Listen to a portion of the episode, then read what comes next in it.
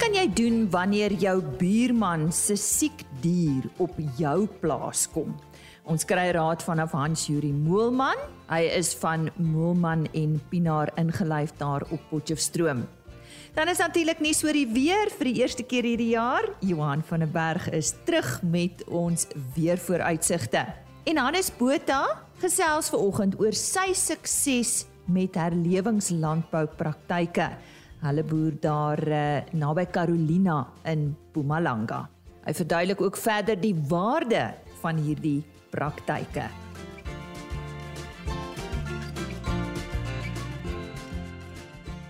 Dis wat op RC Landbou is vir oggend. Goeiemôre. My naam is Lise Roberts en uh, ek heet jou baie welkom by vandag se program. Gebruiklik op 'n donderdagoggend sluit ons altyd eerste aan by Johan van der Berg. Johan, goeiemôre. Uh soos ek gesê het, baie van ons uh, Suid-Afrikaners het 'n uh, werklike nat Desember gehad. Nou vir landbouers is dit welkom, maar te veel reën is ook nie altyd goed nie. Voorspoed vir jou vir die nuwe jaar en en gee vir ons terugvoer Johan. Ja, dankie Lise, voorspoed vir jou ook vir die nuwe jaar en vir al ons luisteraars. Um, ek sê altyd ons hoop dat die boere net die regte hoeveelheid reën behoort of gaan kry dat dit die goeie wens is want in Suid-Afrika is daar nie 'n gemiddeld of of goed nie. Dis altyd te min of te veel. So ons hoop maar dat dit die geval gaan wees. Absoluut. Ja as ons 'n bietjie terugkyk ehm um, Desember 2021 was een van die natste Desembers op rekord gewees Ek het 'n bietjie gaan kyk veral hier oor die sentrale dele van die land. Um, 'n plek so Senekal in die sentraal Vrystaat het vir Desember uh, omtrent 320 mm gehad en die langtermyn gemiddelde reënval is maar hier by die 100 mm. En die seisoen van 1 Julie vir Senekal alreeds 500 mm wat omtrent die die jaarlikse totaal is. Vir Riesburg Oos-Vrystaat ook hier in die orde van 300 mm vir uh, Desember. Die seisoen is geheel hier by 560 mm selfs in Noordwes provinsie Kolini het in die orde van 230 mm vir Desember gehad en trek al ook amper by die 500 mm vir die seisoen. Uh Marble Hall 260 mm uh en omtrent 400 mm vir die seisoen. So dit is baie baie nat toestande. Ons kan ook uh, uh die die, die groot gedeeltes van die baie droë Noord-Kaap en die Oos-Kaap het ook goeie reën begin kry en heelwat plekke het hier tussen 50 en 100 mm gekry hier van die laaste deel van van November en Desember. Uh en veral uh die Oos-Kaap gedeelte uh die eerste keer in ook baie jare uh Willowmore, Aberdeen, uh daardie gedeeltes wat 'n redelike klompie reën gehad het en dan natuurlik ook die suidwestelike dele van die Noord-Kaap waar daar ook goeie reën voorgekom het en um dis amper baie baie van die plekke die laaste 6 tot amper 10 jaar het daar nie soveel reën en soveel opvolgreën voorgekom nie. So dit begin tog uh 'n 'n duik maak in die droogte. Die droogte is nog nie verby of die droogte se effek is nog nie verby nie. Maar ten minste lyk dit uh, daarom baie goed uh wat wat dit betref. Soos jy genoem het, baie van die van die boere in die sentraal Vrystaat en selfs die oos Vrystaat uh Mpumalanga en in Noordwes kolle kolle waar daar uh, baie skade is, al aan aan ons somergewasse. Um en daarmee saam, dis nie net die nat toestande nie, daar's uh, minder hitte eenhede. Ek het nou reg gekyk, Botawil het byvoorbeeld omtrent 10% minder uh te eenhede vir Desember gehad as normaalweg. Uh en dan um ook het ons die baie bewolkte toestande wat ook uh, redelik 'n uh, effek het op die die die groei van plante. So die die groot vraag is wat nou vir die vir die tyd wat voorlê. Ja, is dit kyk ons nou kan ons kyk dalk na die net die somer paar somermaande voor ons langtermyn kyk Johan. Tradisioneel is die is die, die Januarie, Februarie en Maart is die die groot reënmaande. Ehm um, so as ons 'n bietjie kyk op die kort termyn lyk dit asof hier weer van die naweek af uh die reën uitdraai weswaarts en amper vir die hele land is daar 'n kans vir reën uh, behalwe die Weskaap vir die volgende week of so. Miskien 'n bietjie droër daardie eerste paar daal hier van die 20ste tot tot 25ste Januarie. Uh en dan lyk dit of daar redelik baie reën weer gaan kom uh, in die laaste week van Januarie en veral Februarie. Maar meer na die oostelike gedeeltes toe en dan lyk dit asof ons uh hier in die tweede deel van Februarie dat die reën eers weswaarts gaan skuif. So heelwat uh warm en en droë toestande oor die Wes-Kaap. Ons sien dat temperature baie baie hoog gaan word uh in die volgende paar weke, so min reën in die Wes-Kaap wat uh, verwelkom word deur uh, veral ons vrugte en druiweboere. Ons moet onthou dit was eintlik abnormaal koel uh, en bewolk die afgelope tyd. So ja, uh, dit op die kort termyn lyk dit asof die reën nog nie verby is oor die somerreënvalgebied nie mm. en dat daar ook nog 'n uh, redelike klomp reën in die res van Januarie en later in die seisoen gaan kom. Kan jy dit waag om so 'n bietjie verder te kyk? Ja, as jy mens die die geskiedenis gebruik, uh La Nina jare soos wat ons tans het, uh is daar gewoonlik reën tot omtrent Mei maand uh, in die somerreënvalgebied. Dit skuif geografies 'n bietjie, uh maar dit die kans is baie goed dat uh, ons tot in kom ons sê middel Februarie redelik baie reën gaan kry oor die sentraal na oostelike gedeeltes en dan later in die seisoen uh, meer weswaarts uh dat dit gaan gaan uitbrei. Terwyl ons hierby is, die La Nina jare het gewoonlik 2 of 3 pieke uh van reënval en dit beïnvloed die vloedrisiko en ek dink ons het nou die eerste piek bereik. Uh dit lyk asof dit so bietjie afplat tans, maar uh die kans is baie goed dat daar uh in die tweede deel van uh, Januarie, laaste deel Januarie en Februarie uh dat daar baie reën gaan kom wat uh, die vloedrisiko en veral die benede val en benede Oranje riviere uh redelik gaan verhoog. So langer termyn, dit lyk asof hier nog baie reën is.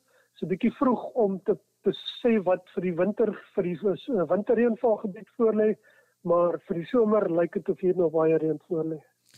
Nou ja, goeie nuus en slegte nuus. Johan van der Berg op sy pos vir die eerste keer in 2022. Ons sê baie dankie. Ons gaan kuier volgende daar naby Carolina by Fairview. Dis die plaas van Hannes Botha en uh, ek is seker ook sy familie. En ons gesels met hom oor sy sukses met herlewingslandbou praktyke. Hoekom hy dit doen, wat sy benadering is en natuurlik meer oor uh, oor sy sukses en ek is seker van die produsente wat vandag luister gaan so 'n paar uh, wenke kan kry vanaf Hannes Botha. Hannes Goeiemôre. Dankie dat jy deel is van RSC Landbou. Vertel ons net eers kortliks van die plaas en die familie, so 'n bietjie geskiedenis. Ja, goeiemôre Lise. Nee, ehm um, net 'n voorreg en dankie vir die geleentheid.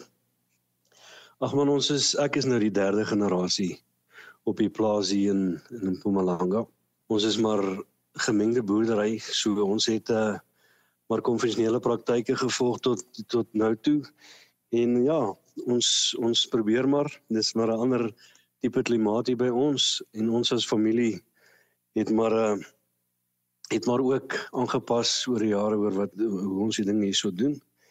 So ja, nee, ons is nog almal hier, ek pa en broer. Mm. En uh ja, hier ja. van die vroegsettelaars af in die area. Sjoe. Nou, jy sê is 'n gemengde boerdery, so waarmee boer julle? Man, ons is saai en vee. So wat die wat die saaiery aan uh, aanbetref het ons mielies en sojas wat ons verbou en ook aardappels.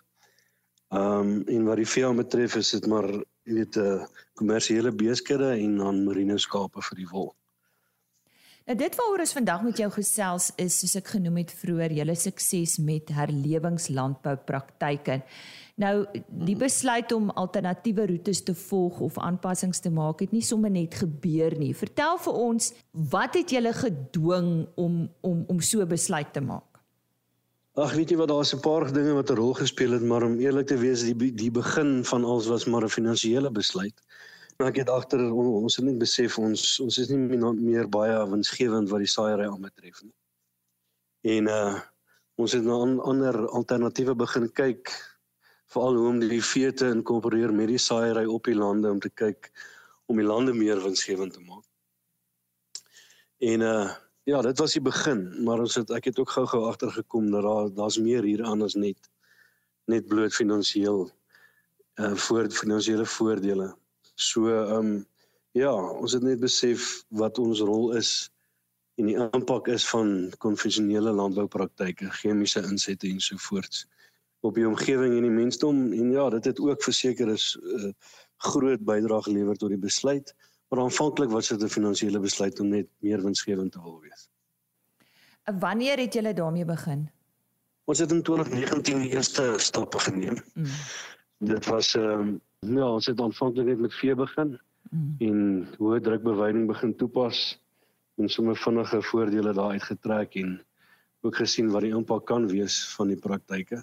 En ja, toe het ons daarna begin om die vee op die landbou ook druk te bewy en ook ander herlewingslandboupraktyke toe te pas met die saaiery. Nou ons wil so 'n bietjie meer besonderhede van jou af hê. So uh, uh, toe ek nou die artikel oor jou lees, toe sê jy die stelsel wat jy toepas is jy boots die natuur na. So verduidelik bietjie vir ons presies wat doen julle? OK. So wat die vee aan betref, gebruik ons elektriese drade om die vee by mekaar te hou en druk te bewy. En dan met ander woorde, as ek sê ek boos die natuur na in hierdie opsig sal dit wees is soos uh, die predatore wat die wilde diere maar die groot wilde diere bymekaar gehou het en hulle maar hulle veiligheid gesoek het in nommers. So die die wilde diere het bymekaar gewy en teen mekaar geloop en vertrap en aangeskuif die heeltyd beweeg. Nou dis wat ons met elektriese drade doen, ons gebruik die drade om die diere bymekaar te hou en gereeld te skuif. So hulle is vir 'n baie kort rukkie op 'n stuk weiding en word hulle geskuif. So daar's genoeg verstoring met die met die hoewe van die beeste op die uh op die grond self en dan die bemesting wat daarmee saamgaan, die bemesting van die diere self. En op daai praktyke doen ons omtrent so 25 ton ehm um, mis en dan so 12000 liter urine wat vol minerale en en ander soutte is. So dis dis wat die vee aan betref hoe ons die uh, voel ons die natuur naboots. En dan wat die saaiery aan betref, het ons in die rigting beweeg van kompos en kompostees uh, en ekstrakte wat ons maak waar ons dan net weer probeer om om die natuurlike toestand van die grond weer te bewerkstellig deur die organismes se aktiwiteit te verhoog en ook weer um, die organismes net weer in die grond te vestig want dit is totaal vernietig gewees met al die chemiese insette wat ons gedoen het oor die jare. So hierdie stelsel wat dit is natuurlike bemesting, né? Jy het so 'n bietjie gepraat oor die urine nou nou. Dis waarna jy verwys het. Dis waarna ek verwys. Ons gebruik glad nie meer chemiese kunsmis nie. Ons gebruik wel nog uh onkruider bly my grootste uitdaging.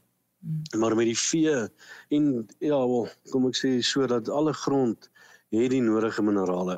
Daar is nie grond in in die in die wêreld wat nie die nodige minerale in het nie. Dit is net nie altyd plantopneembaar nie. Dit is nie altyd plant beskikbaar nie. Mm. En dis waar die organismes inkom. Dit is nie 'n quick fix nie, maar vroeër jare het ons was dit maar altyd 'n geval van jy weet dit gaan 10 jaar vat vir jou om van kunsmis te kan ontslaa raak en goed en dit is bloot net nie meer waar nie met al die kennis wat deesdae daar buite is rondom herlewingslandbou en en kompos en kompostees en al die mm. praktyke wat 'n ou kan toepas kan ou baie vinniger ontslaa raak van kunsmis en ander chemiese insette. So as ek praat van bemesting dan bedoel ek eintlik maar net ons het van chemiese bemesting ontslaa geraak en ons mm. vertrou op die natuurlike sisteme om om dit wat die plant nodig het vir hom beskikbaar te stel. Hannes, ek het nagelaat om vroeër vir jou te vra by wie jy dit geleer. Ek bedoel jy moes seker iemand gehad het wat jy geraadpleeg het, hoe jy te werk gegaan om om of jy maar net uh, so hier en daar jouself verwittig van dit wat beskikbaar is. Dit het wel daar begin want ek myself maar net verwittig het van 'n paar praktyke en goed, mm maar ook vinnig besef dat as ek dit regtig waar op 'n kommersiële vlak wil toepas, sal ek sal ek meer kennis moet inwin en en myself meer moet verwittig van wat gaan werk en nie werk nie. Mm. En dit het my gebring by kursusse wat ek aanlyn kursusse wat ek gedoen het. Ehm um, van Elaine Ingham van Swell Food Web en dan ook Ellen Savory se Holistic Management en ander ander baie YouTube video's, baie seminare en webinare na geluister en bygewoon. Mm. En dis waar ek maar gesien het en besef het daar is 'n groot netwerk van boere wêreldwyd wat al lankal besig is met hierdie tipe goed. Mm. Soos Guy Brown en so voort en daar het ek baie geleer en besef wat wat wat kan werk in die praktyk en wat nie. Mm. So ek ek het regtig moeite gedoen om om myself in te lig en te bemagtig met kennis om om hierdie ding reg te doen. So ek is gedurig besig met my mikroskoop om grond en kompos en al hierdie goed te ontleed en nie bloot blindelings in die in die praktyk te wil ingaan nie. Dit is goed wat gemeet moet word om regtig waar suksesvol te wees. Ja, die ou sê ding van om te meet is om te weet. Daar sê, daar sê. Ja nee, ons ons ons weet in landbou is dit belangrik. Nou net om jy af te sluit, uh, Hannes, baie dankie dat jy vandag met ons gesels het. Noem net vir ons so 'n paar voorbeelde wat jy wat jy nou volg, ehm um, dalk maklike praktiese wenke wat jy met medeboere sal wil deel of hulle sê hoe hulle moet begin. Is daar iets wat jy kan deel? Ja, ek dink dit is belangrik om om om al die verskillende stelsels in plek te kry.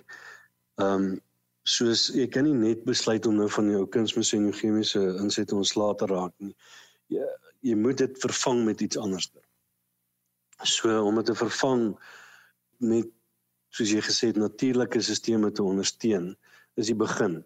Ehm um, ek het baie baie gefokus en doen nog steeds op dekgewasse.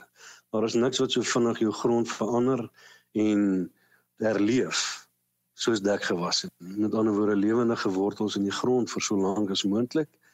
En daai dekgewasse voed dan jou organismes wat dan die hele siklus vir jou weer aan die gang sit.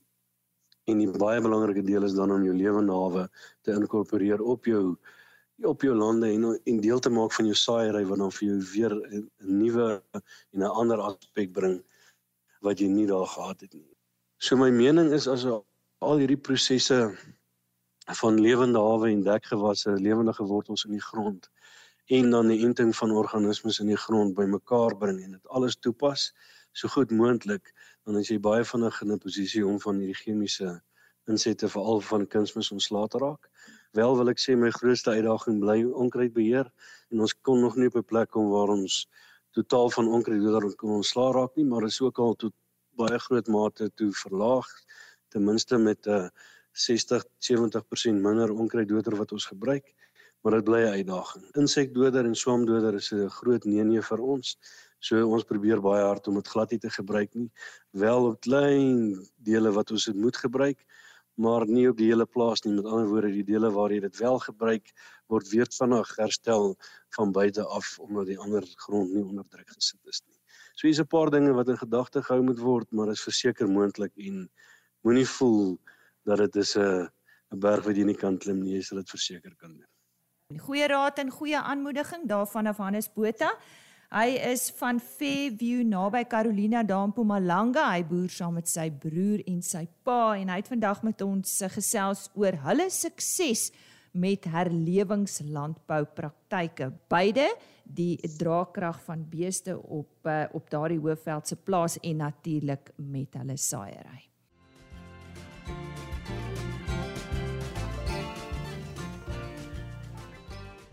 Wat om te doen wanneer 'n siek dier van jou buurman op jou plaas kom en dan natuurlik jou diere siek maak. Kom ons hoor wat het Hans Juri Moelman daaroor te sê vanoggend. Ons praat natuurlik oor verskeie siektes. Is ek reg? Dis korrek. Ja. ja, ek is nou nie 'n veearts nie, maar die dit is 'n omstrede onderwerp, ehm um, veral met trig trichinomease, ehm um, wat groot probleme veroorsaak, ehm um, tans. Maar dan is daar ook ander diere siektes en dan ook tussen die wilds en die beesboere sit jy met die hele kwessie rondom snotsiekte mm. of bovine catheral fever disease, dis 'n mooi Engelse naam daarvoor. Maar dit het ongelukkig veroorsaak het skade en waar skade veroorsaak het, kan daar van tyd tot tyd aanspreeklikheid on, on, opstaan, ontstaan as gevolg daarvan. So, wat is belangrik om hier in kennis te neem, van kennis te neem? Ek dink die, die eerste um, of die proaktiewe benadering ten opsigte van dit is is um, om om te weet watter diere siektes is gebiedsgebonde. Baie siektes is um, gebiedsgebonde.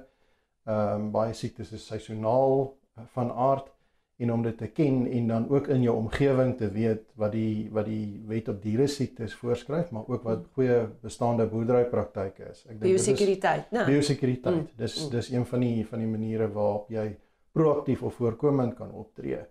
Ehm um, en in die hart van die saak is is dit dan ook outomaties die maatstaf waaraan jy gemeet sal word as jy self nie voorsorg tref nie en jou diere uh, siek sou word en sou veroorsaak dat 'n aangrensende buureienaar se se vee aangesteek word deur daai siektes en en en doodgaan as gevolg van dit. In die hart van die saak is is ontstaan in ons reg ontstaan 'n regsplig wanneer jy skade voorsien en jy redelike maatreëls kan tref om dit te voorkom in daai omstandighede. En dit sal basies dan beteken dat mense meer versigtig moet wees. Um mm. om hulle diere te behandel, voorkomend te behandel. Um te te ja, veral met met die bespuitings vir bakterieë en daai tipe van goed, matrieg spesifiek. Um om diere gereeld te toets en seker te maak dat daai diere nie um op een of ander manier dit dit opgetel het nie. En die moeilike deel daarvan is diere beweeg en as jou heininge nie behoorlik in stand gehou word nie, ehm um, breek bulle byvoorbeeld deur en en veroorsaak infeksie by die koeie van by as gevolg van die feit dat hulle nie beperk is tot 'n spesifieke area nie of vee beland in 'n pad en hulle kom in kontak met diere wat wat 'n siekte siekte dra. Ehm um, dit is moeiliker in daai omstandighede om 'n eis te bewys, maar die daar gaan wel 'n kans wees vir aanspreeklikheid. Ehm um, om so eis te bewys gaan 'n mens waarskynlik moet bewys dat 'n persoon versuim het om redelike maatreëls te tref, soos ek nou net gesê het. Dis seker nie so maklik nie. Dis nie so maklik nie, mm, mm. maar in in in plaasgebiede ehm um, het ek nou al gesien ouens sorteer dit baie vinnig uit waar dit vandaan kom, want ehm um, hulle me, mense hou hulle vee dop. Mm. Dis die een kant en die ander kant is om om met patologiese toetse.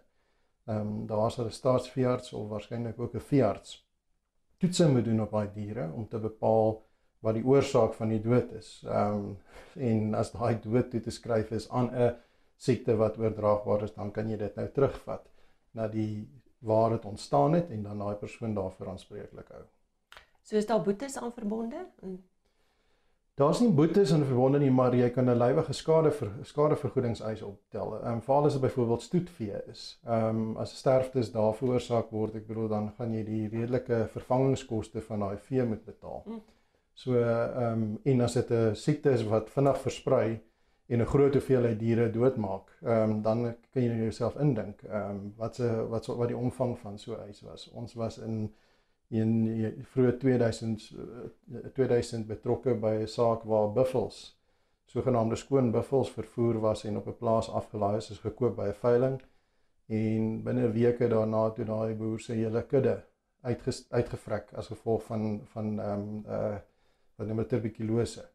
Ehm um, en dit is dit is dis 'n enorme eis gewees. Mm, mm. So dis nie 'n ding wat 'n mens ligtelik moet opneem nie. So wat jou raad om jy af te sluit? Ek dink die belangrikste is net is om bewus te wees. Ek dink mense weet nie noodwendig van die wetgewing wat wat daar is oor diere siektes nie om hoogte te kom daarbey.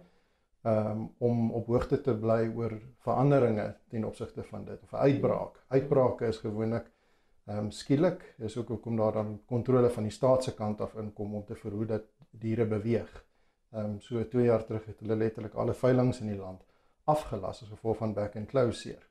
Ehm um, onder die die hoenderboere stoei op met um, voëlgriep. Mm. Ehm um, en uh, hulle het ook baie baie groot uitdagings met dit want dit word deur wille voëls versprei. Ehm um, en om daai bio ehm um, sekuriteit in plek te sit om dit te voorkom of 'n verspreiding te voorkom, mm. ek dink dit is van die beste metodes om wanneer dit dan met jou gebeur te voorkom dat dit nog nog diere infekteer. So dit kan met ons landbouers gebeur. Hulle moet nie dink dit kan nie gebeur nie. Nee, dit kan nie en ek dink daar is baie van hulle wat al daarmee te mm. doen gehad het mm. en uh, maar ek dink die mense dink altyd in die perspektief van dat jy aanspreeklikheid kan opdoen as jy nie as jy weet jy het 'n probleem en jy hanteer dit nie. Hans Juri Moelman van Moelman Pinaar ingelyf van Potchefstroom wat vandag met ons gesels het oor wat jou te doen staan wanneer jou buurman se siek dier op jou plaas beland. Onthou RSG Landbou is op die RSG webtuiste as potgooi beskikbaar. Dit is die volledige program. Alternatiefelik www.agriorbit.com. Daar word die onderhoude afsonderlik gelaai. Ek herhaal www.agriorbit.com en Ons e-posadres is rsglandbou@plaasmedia.co.za. Dis alweer amper naweek. Geniet jou naweek en vir die wat nog uh, met vakansie is, geniet hierdie laaste paar dae voor die skole volgende week begin.